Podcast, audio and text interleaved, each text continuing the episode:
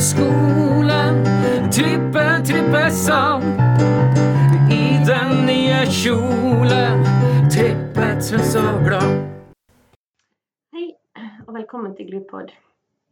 I denne episoden av Glupod så skal jeg gjennomgå det nye forslaget om hvordan vi fordeler praksisperiodene i praksisstudiet for glustudentene.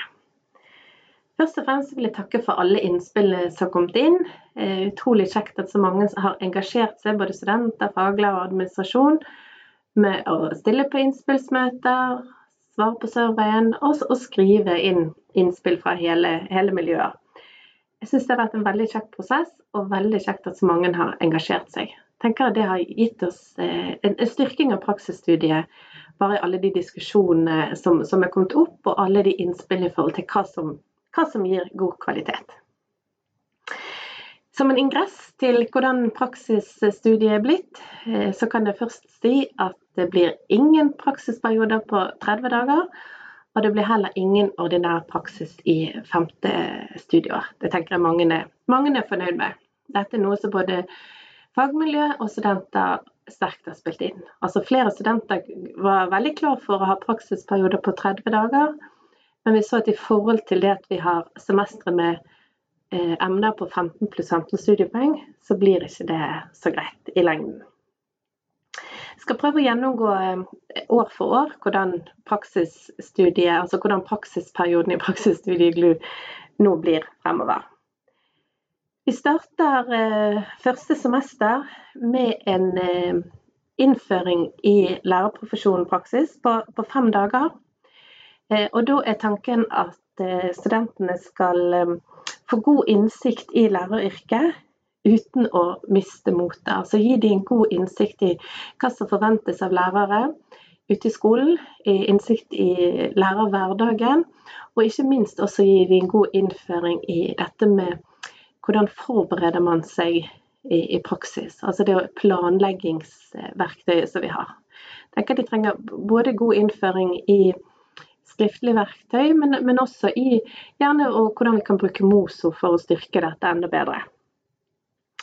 Og Her er også en tanke om at eh, studentene eh, i store grupper som kommer ut til skolene. Altså, mitt ønske er at vi i så stor grad som mulig skal få hele klasser ut eh, til skoler. Altså hele kunst- og håndverksklassen på én skole, samfunnsfagklassen på en annen skole. Og der er det store klasser, så må vi selvfølgelig dele oss.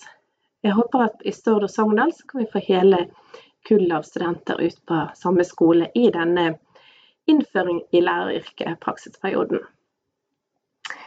Eh, I andre semester da, så blir det en ordinær praksisperiode på, på 20 dager. Eh, og da blir det norsk og matematikk for 1-7-studentene og fag 2 da for 5-10 studentene. Eh, så går vi videre til andre året det blir et praksisrikt år. Eh, for da blir det 20 dager praksis i høstsemesteret og 20 dager praksis i vårsemesteret. Eh, her får vi opp den eh, problemstillingen som vi hadde i utgangspunktet for å endre praksisperiodene.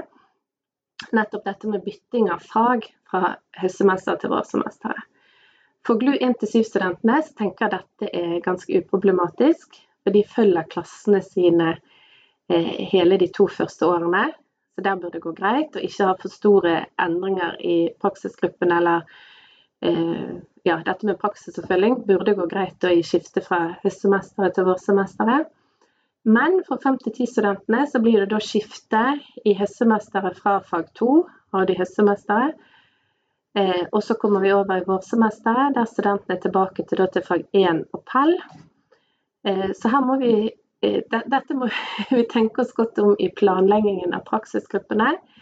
Eh, praksisadministrasjonen er klar over denne problemstillingen og vil gjøre det de kan for å sette opp gruppene best mulig. Men som de sier, det er ikke bare fagene som spiller inn her. Det er også ulike eh, ønsker fra studentene om å ikke bo vekke, f.eks. Og ha, ha ulik sånn fra mellomtrinn, ungdomstrinn. Det er en utfordring. og ja, det, det, det, er ikke bare fagene som spiller inn her. Men her må vi, her må vi være bevisste og planlegge så godt som vi kan. Så kommer vi til eh, tredjeåret. eh, der det gjøres en endring. Eh, etter mye gode innspill i mine forslag som lå ute til høring, så hadde vi først og fremst praksisfritt i femte semester og praksis i sjette semester. Men der har vi etter masse gode innspill snudd om, sånn at det nå blir 20 dager praksis i femte semester, altså det såkalte vestlandsklassesemesteret. Og så blir det praksisfritt i sjette semester. Så det sjette semester blir et veldig bra vindu for uh, utveksling.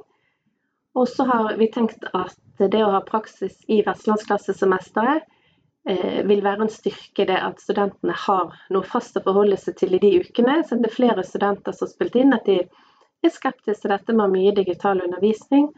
Og derfor tenker vi at det kan være positivt med en praksisperiode i femte semester. Da får også studentene praksis i det faget. Så det, men sånn som vi legger det opp nå, så får studentene praksis i alle fagene de tar i utdanningen. Når vi da er over på, på fjerdeåret, eh, så blir der Altså all praksisen i syklus 2 blir lagt til fjerdeåret med 15 dager om høsten, syvende semester, 15 dager om våren i åttende semester. Og så er, har studentene fullført praksisstudiet sitt når de er ferdig med fjerde året.